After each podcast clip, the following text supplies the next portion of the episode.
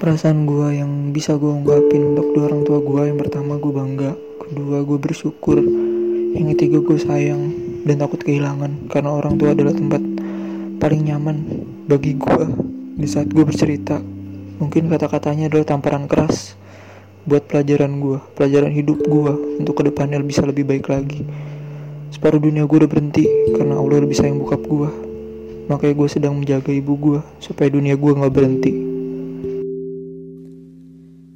Adalah anak perempuan yang dibesarkan oleh ayah yang sangat tegas dan ibu yang sangat lembut. Bicara soal orang tua, menurut saya mereka adalah satu-satunya tempat pulang paling ikhlas. Senakal apa pun saya, sampai membuat mereka kesal, bahkan kecewa. Mereka selalu menyambut saya ketika saya kembali pulang.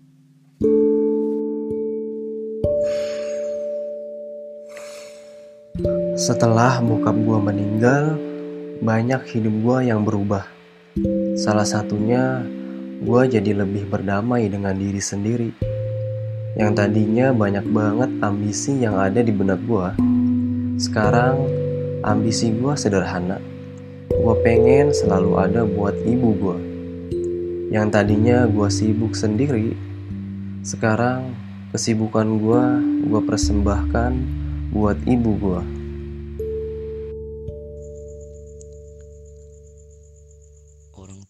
Gue adalah segalanya. Air mata juga gak bakal bisa buat ngungkapin semua perasaan kita ke dia. Pokoknya gue sayang sama mereka. Orang tua selalu berusaha menjadi figur terbaik untuk anak-anaknya. Tidak pernah mengeluh, meski wajah penuh dengan peluh.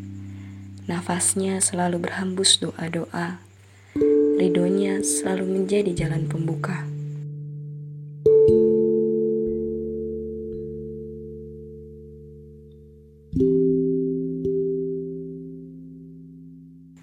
Sabar dan ikhlas sudah menjadi prinsip dalam hidupnya. Senyum yang selalu menghias di bibir, tanda akan keridoannya. Surga milik kita, milik kita yang mau berusaha membahagiakan orang tua dan menggapai ridhonya. Terima kasih ayah, ibu. Semoga Allah kumpulkan kita bukan hanya di dunia, tetapi Allah kumpulkan juga di surganya kelak. Jagalah orang tua selagi masih lengkap. Rawatlah ia bila salah satu sudah tiada. Doakan mereka bila keduanya lebih dulu mendahului kita.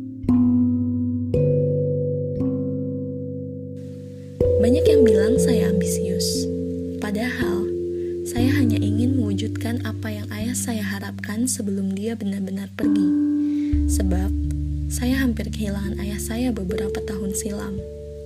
Dari situ hidup saya gak karuan, selalu khawatir dan dibayang-bayangi tentang bagaimana kalau nanti ayah beneran pergi